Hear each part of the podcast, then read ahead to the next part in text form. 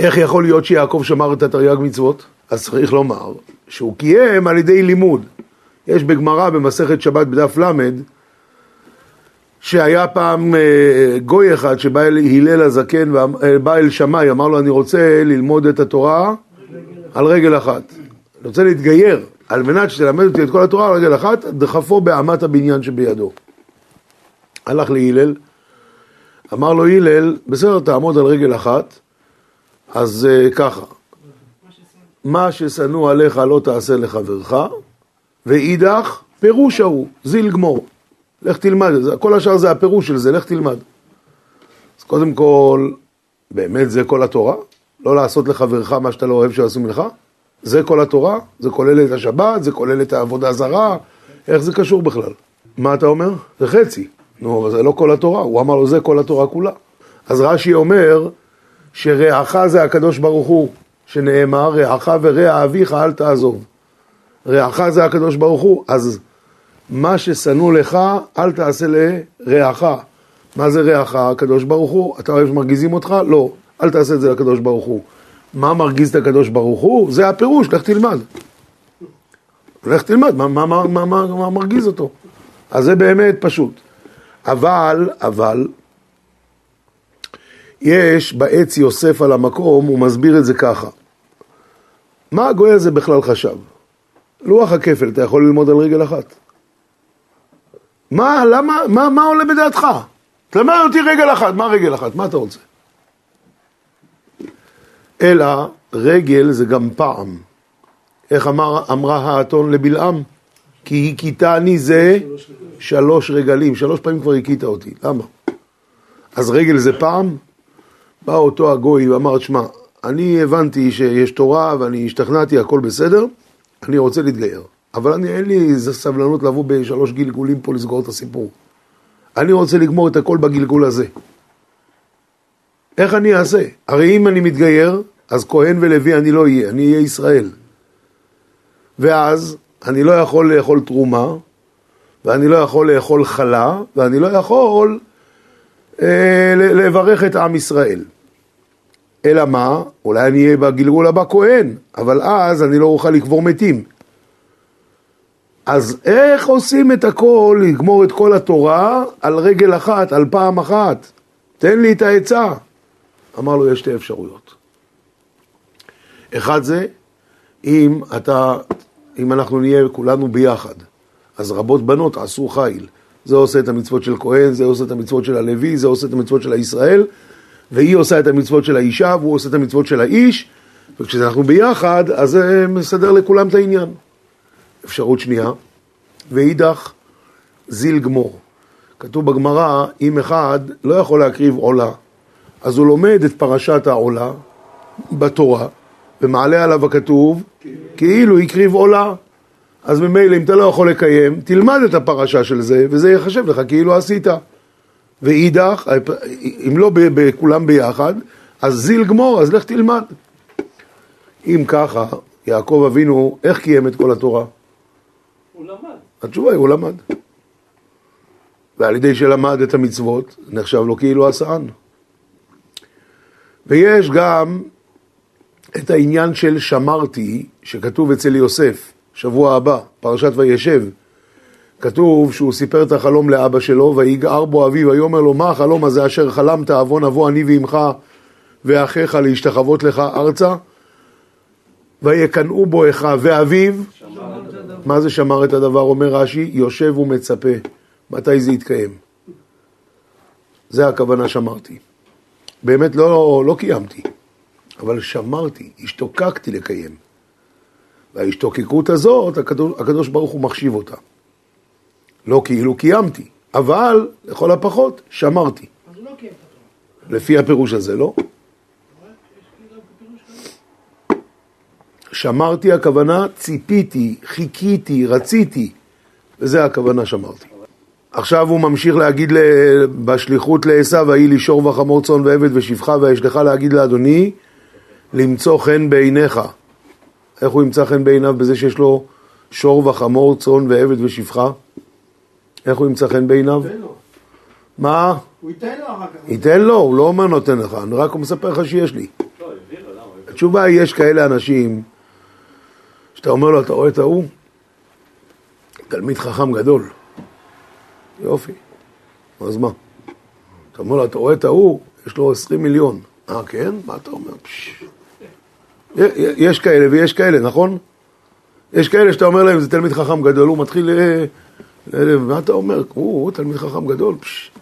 ויש כאלה שלא, זה לא מעניין אותם, מעניין אותם אם הוא, אם הוא, כמה הוא שווה. ועשו באיזה תחום היה שייך? זה מה שהוא אמר. יש לי צור, חמור, צאן ועבד ושפחה. למצוא חן בעיניך. אני יודע מה מעניין אותך. אני אספר לך שאני צדיק? זה לא מעניין אותך. וישובו המלאכים אל יעקב לאמור באנו אל אחיך אל עשיו וגם הולך לקראתך וארבע מאות איש עמו וירא יעקב מאוד וייצר לו. ויחץ, אז הוא התכונן. מה הוא התכונן? דבר ראשון, ויחס לעם אשר איתו ואת הצאן ואת הבקר והגמלים לשני מחנות, ויאמר אם יבוא עשיו אל המחנה האחת ויכהו, והיה המחנה הנשאר לפליטה. זה נקרא להתכונן למלחמה. השאלה היא למה וירא יעקב מאוד, וייצר לו, מה הוא פחד? אז בוא נגיד שהוא פחד, א', שמא ייהרג, ב', שמא יהרוג, הוא גם לא רצה להרוג אותו. סוף כל סוף הוא הבן של אבא שלו ואבא שלו עוד חי. הוא לא רצה להרוג אותו, אז יכול להיות. מה שאני שואל זה, אדם שבוטח בהשם, מה נאמר עליו? חסד יסובבנו.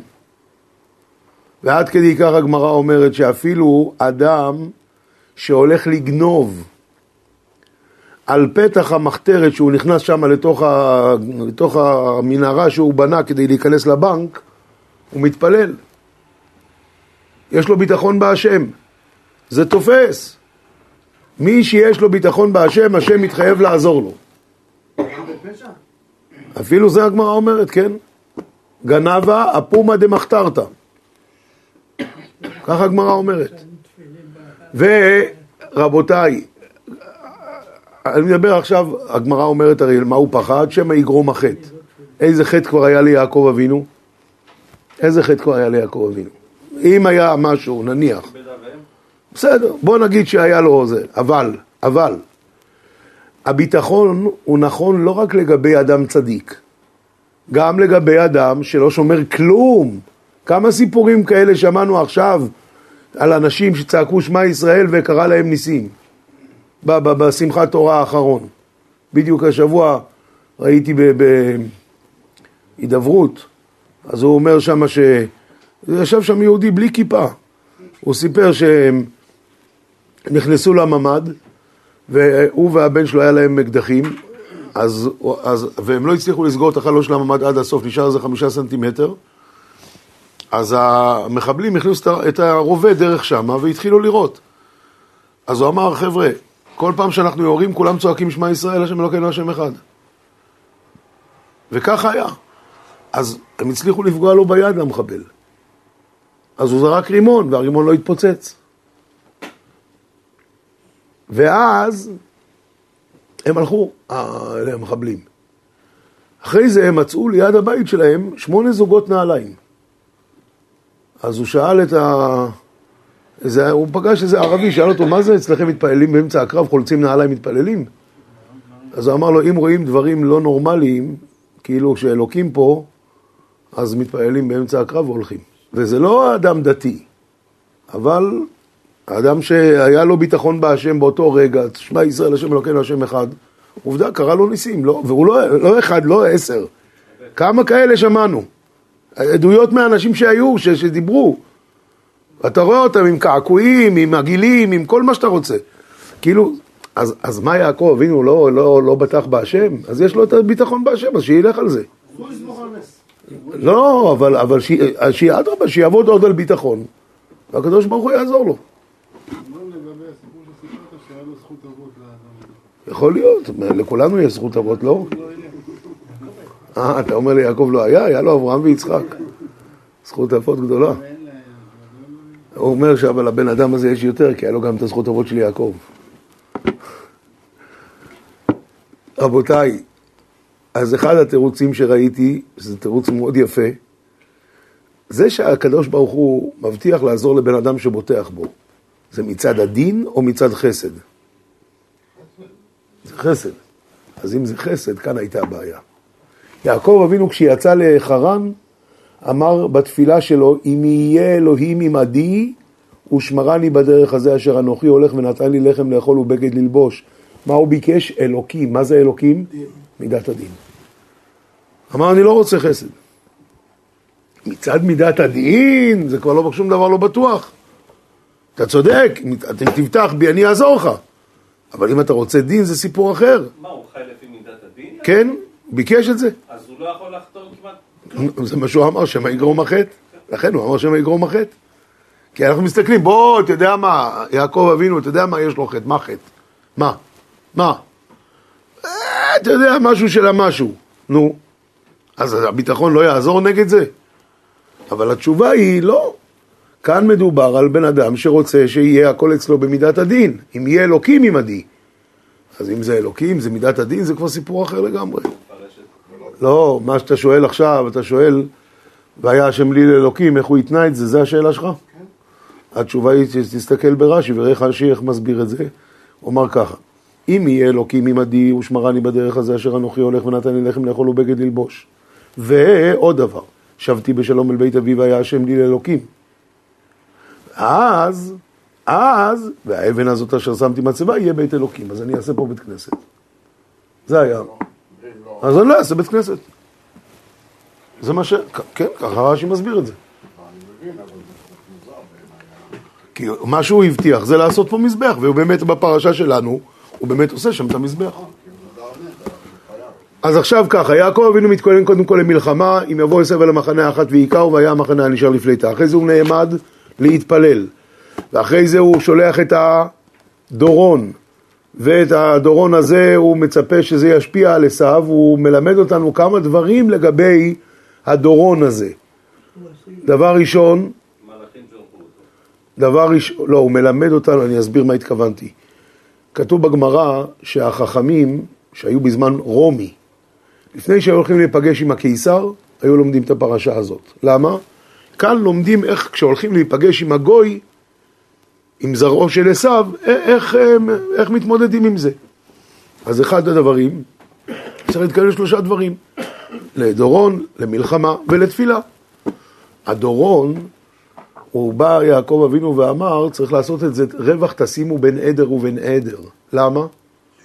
אומר רש"י שיראה הרבה, אבל זה לופט גישפטן, כאילו זה עסקי אוויר. מה זה ההרבה הזה? זה צלופן. כמו אתה שולח אה, בונבוניירה גדולה בפורים, הכל צלופן. אז מה, מה כאילו, לימד אותנו אדוני, ככה עושים. מספרים שבזמן החפץ חיים באו להגיד לו שהולכים עכשיו לשחד את, ה, את מי שם, את המושל או מה. אז הוא אמר, תראו לי את הכסף, אז הראו לו. אמר להם, לא טוב, לכו לבנק, תפרטו את זה למטבעות יותר קטנים. למה? שיהיה הרבה. למד את זה מיעקב. חזרו, אמרו לו הרב, הוא לא הסכים לקחת. אמר, התחננתם? יעקב אבינו ביקש, אל נא, אם נא מצאתי חן בעיניך ולקחת מנחתי מידי. אתה רואה שצריכים להתחנן? התחננתם?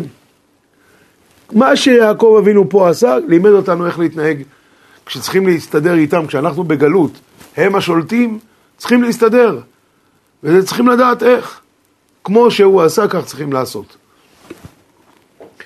וקראתי פעם בספר שמישהו כתב, עיירתי מכורתי, על איך שהיה פעם בעיירות בחוץ לארץ. אז הוא, אז הוא מספר שם שכשהיה מגיע מושל חדש, אז אספו מכל היהודים כסף, והראש הקהל היה הולך לפגוש את, ה... את המושל החדש, כאילו פגישת היכרות, הוא היה משאיר את הכסף מתחת למפה. וכולם היו מחכים ב, ב, ב, ממש בציפייה. מה? אם אשתו של המושל הלכה למחרת לקניות, ידעו שזה זה, זה בסדר. אם היא לא הלכה, אוי ואבוי, הוא, הוא רוצה להחזיר את הכסף, זה לא טוב. אם הוא מקבל, זה טוב. אמרתי לכם פעם, היה בסאטמר שהגיע, בסאטמר, בסאטמר, בהונגריה, רומניה, איפה שזה היה, הגיע מושל חדש, ובאו כולם, אמרו לרבי שמה לעשות, הגיע פה עכשיו אנטישמי גדול. אמר להם, אני רוצה לראות אותו. סוף כל סוף הוא עבר ברחוב, אז אותו, אמרו, רבי, רבי, עכשיו הוא עובר. אז הרבי קם, מסתכל בחלון, אמר, אני רואה שהוא בסדר גמור. אמרו לו, אבל, אבל הוא אנטישמי. אמר, אבל אני רואה שיש לו ידיים. אז רק תכניסו מה שצריך. זהו, ואז אה, בסופו של דבר הוא הסתדר עם אה, עשו. עשו הגיע והם התנשקו וזה, ואומנם שעשו שונא את יעקב, וההלכה שעשו שונא את יעקב, פה אומר רבי שמעון בר יוחאי, נשקו בכל ליבו, עשו נשק אותו בכל הלב, ובכו, נתגלגלו רחמיו עליו באותה שעה. ואני שואל, האם אחרי העסק הזה יעקב אבינו היה צריך לברך הגומל? אז הרב פוסק שכן. על סמך מה? ולנשוך אותו. שהיה סכנה, והוא ניצל מהסכנה. טוב, אז קודם כל, יפה מאוד, אבל השאלה היא כזאת. יש שו"ת, שאלות ותשובות, שכתב יהודי, תלמיד חכם גדול, עכשיו יצא לי השם שלו, השם הפרטי זה אשר, אבל אה, את השם המשפחה אני לא זוכר עכשיו. הוא היה בגטו קובנה. את כל השאלות ששאלו אותו בגטו, הוא כתב בחמישה כרכים. את השאלות הוא כתב בשעת מעשה, ואחרי זה הוא הוציא את זה בחמישה כרכים. שו"ת ממעמקים, כך הוא קורא לזה. אחת השאלות שהוא כותב שם היה אקציה. אקציה זה אומר שהגויים, ממח, הגרמנים יימח שמם, באו והיו צריכים לתפוס עשרת אלפים יהודים.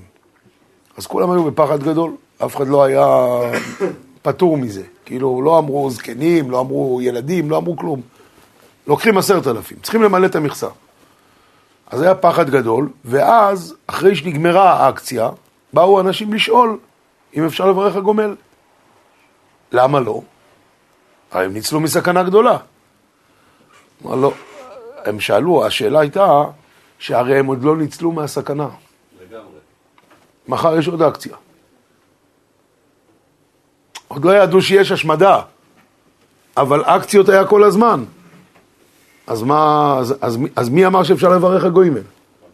מה הדין אדם, אדם שנוסע מפה לאוסטרליה? עכשיו, אין מטוס שנוסע מפה לאוסטרליה.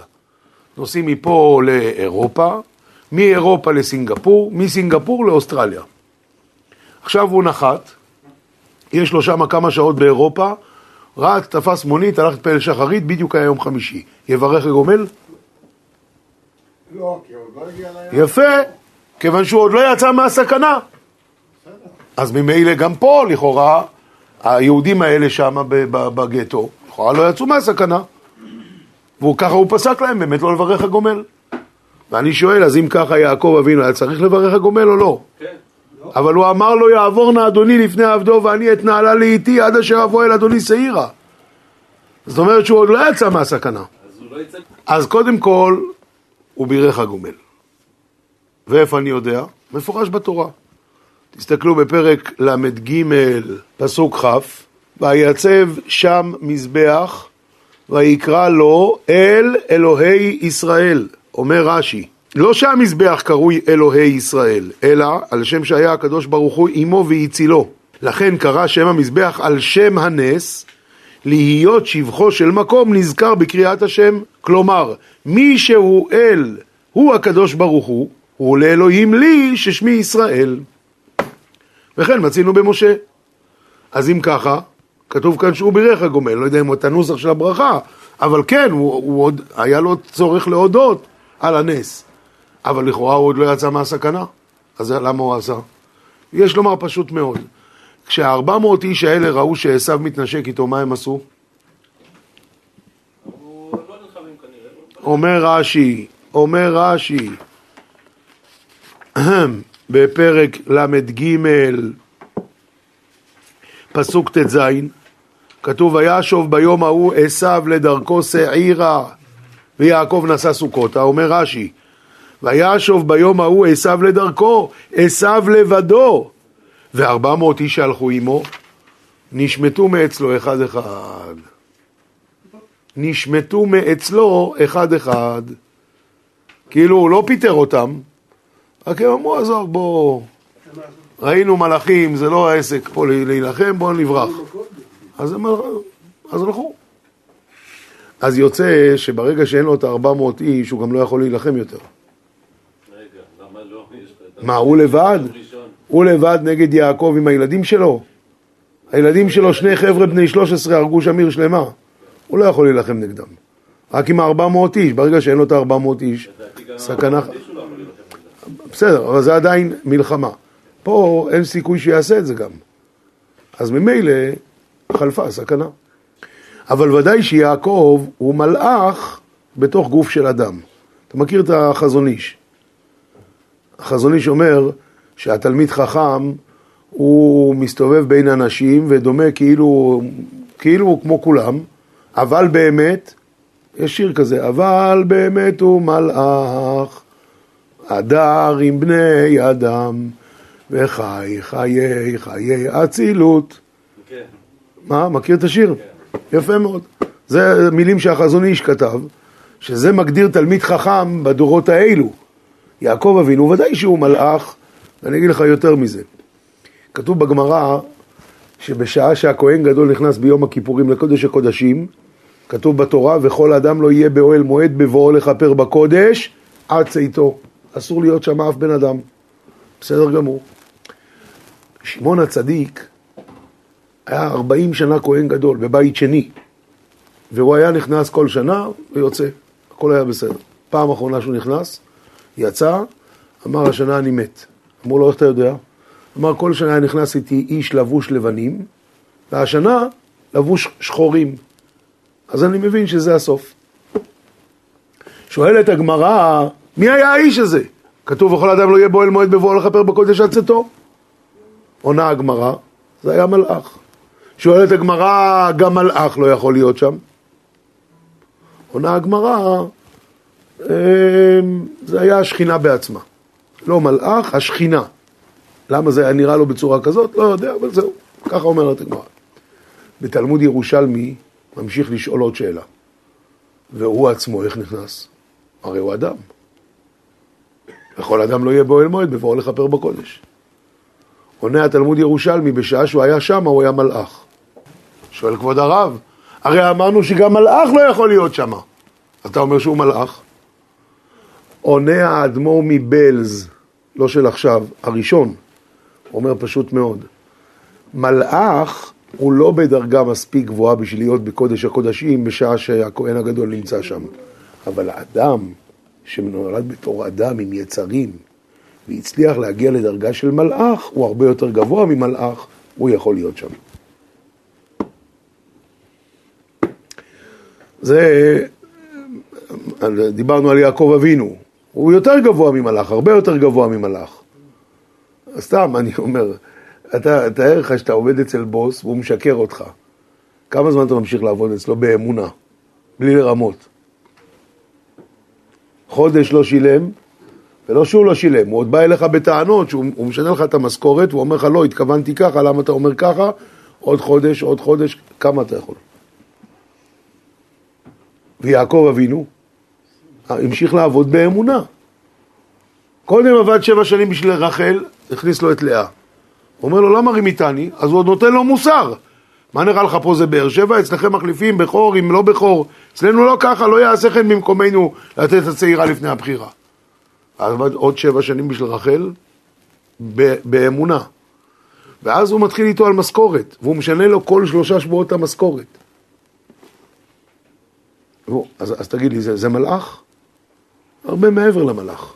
עכשיו נשים לב לנקודה מאוד מעניינת. היה סיפור עם דינה, והחמור הגיע לדבר איתם. מי עשה את, ה, את הבעיות? השכם של הבן של החמור. עכשיו החמור הגיע בעצמו. ומה הוא אומר? השכם בני, חשקה נפשו, בדינה ביתכם, תנו נא אותה, תנו נא אותה לא לאישה, ואני אתן לכם הרבה נדוניה, וזה וזה.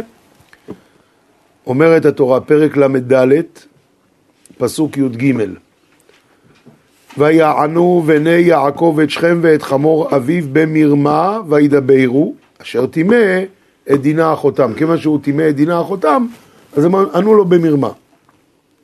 ואני שואל, לפני שתי, שלוש פרשות קראנו פרשת חיי שרה, אליעזר הגיע, ביקש את, את, את רבקה. מה כתוב? ויען לבן ובתואל, אומר רש"י, רשע היה, וקופץ להשיב לפני אביו. ומה פה? הוא מדבר עם יעקב ועם הבנים, מי עונה לו? ויענו בני יעקב, נו, מה? שמה זה נמצא בפרשת חיי שרה, בפרק כ"ד, בפסוק אה, נ'. פרק כ"ד פסוק נ' כתוב ויען לבן ובתואל ויאמרו מהשם יצא הדבר. אומר רש"י ויען לבן ובתואל רשע היה וקפץ להשיב לפני אביו. וכאן הוא מדבר עם יעקב, הבנים שם גם כן, ומי עונה? הבנים. פה רש"י לא אומר כלום. לא, כאן זה בסדר, למה? כי זה שלנו. אני רוצה אבל לפני כן לשאול שאלה חדשה. אתם מכירים את המושג אחרון אחרון חביב? כן. סוכריה אחת לזהבה ל... סוכריה אחת למוישי, ואחרון אחרון חביב, ינקלה. למה מי שמקבל אחרון הוא חביב? זה מה שכתוב בתורה. זה לא כתוב בתורה. אחרון אחרון חביב, רש"י רושם את זה. זה לא כתוב בתורה. כן, המושג כתוב, אבל אתה יודע מתי אחרון אחרון חביב? כשהולכים להיפגש עם עשיו. הולכים לעזה. מי שנכנס ראשון הוא, הכי, הוא בסכנה הכי גדולה, נכון? מי שנכנס אחרון, סימן שהוא חביב. לא רוצים לסכן אותו, שמים אותו בצד. הלכו עכשיו לפגוש את עשיו. מה עשה יעקב? וישם את השפחות הנה וילדיהן ראשונה, ואת לאה וילדיה האחרונים, ואת רחל ואת יוסף אחרונים. אומר רש"י, אחרון אחרון חביב. למה? כי זה סכנה.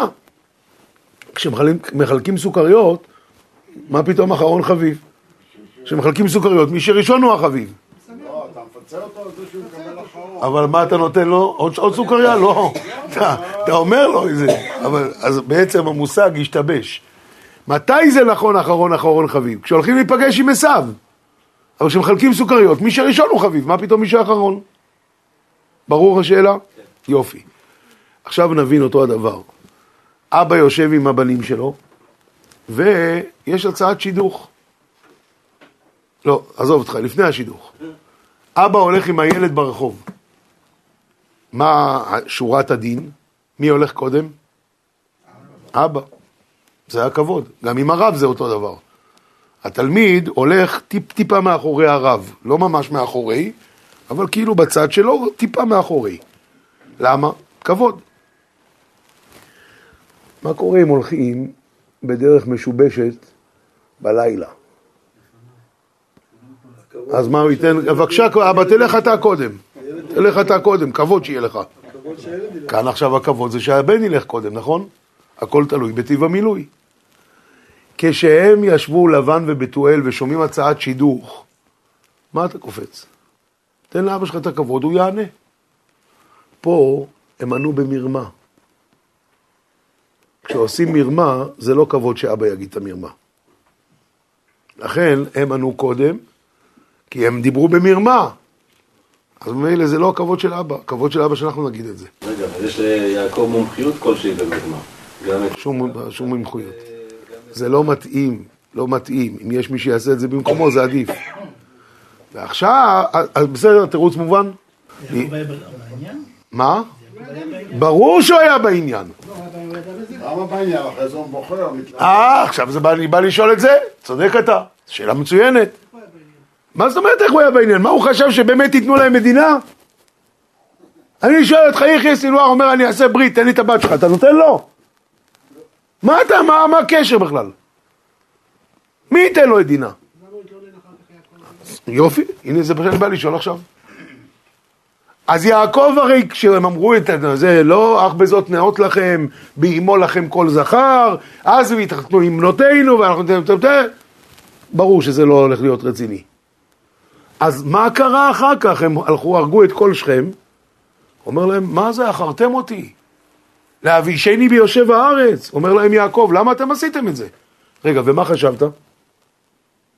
מה חשבת? לא הבנת את זה מראש? שאנחנו הולכים לעשות פה משהו? התשובה היא, מוריי ורבותיי, השאלה הזאת שואל הרמב"ן.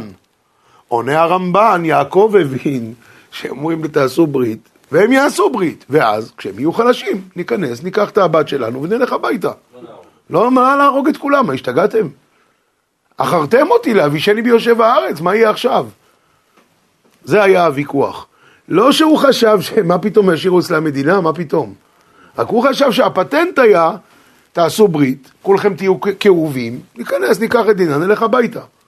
אבל הם הרגו את כולם, על זה הוא אמר להם, למה עשיתם? שאלה יפה, אני חוזר בשביל המצלמה. שואל אה, אוהד, אז איך אחרי זה פתאום יעקב נהיה, אה, סליחה, איך לוי נהיה אה, זה שמכהן ב... הרי יעקב כעס עליו. ועוד יותר אני אשאל, שמעון לא קיבל כלום. אם הם עשו, אם הם עשו, הם עשו את זה ביחד. אז למה לשמעון אתה לא נותן? התשובה היא, כשהיה עגל, לא, כשכן, כשהיה עשו את העגל, עם ישראל במדבר עשו עגל. משה רבינו אמר, מי להשם אליי? מי בא? לוי לימד אותנו, אני באמת מסוגל להרוג לשם שמיים. שמעון לא הגיע, איפה אתה? אה, זה לא לשם שמיים? אז לך לא מגיע. איפה רמוז יחיא סינואר בפרשה? פרק, פרק ל"ו, פסוק ל"ח, וימות שאול, וימלוך תחתיו בעל חנן, איזה מין שם זה בן עכבור? עכבר?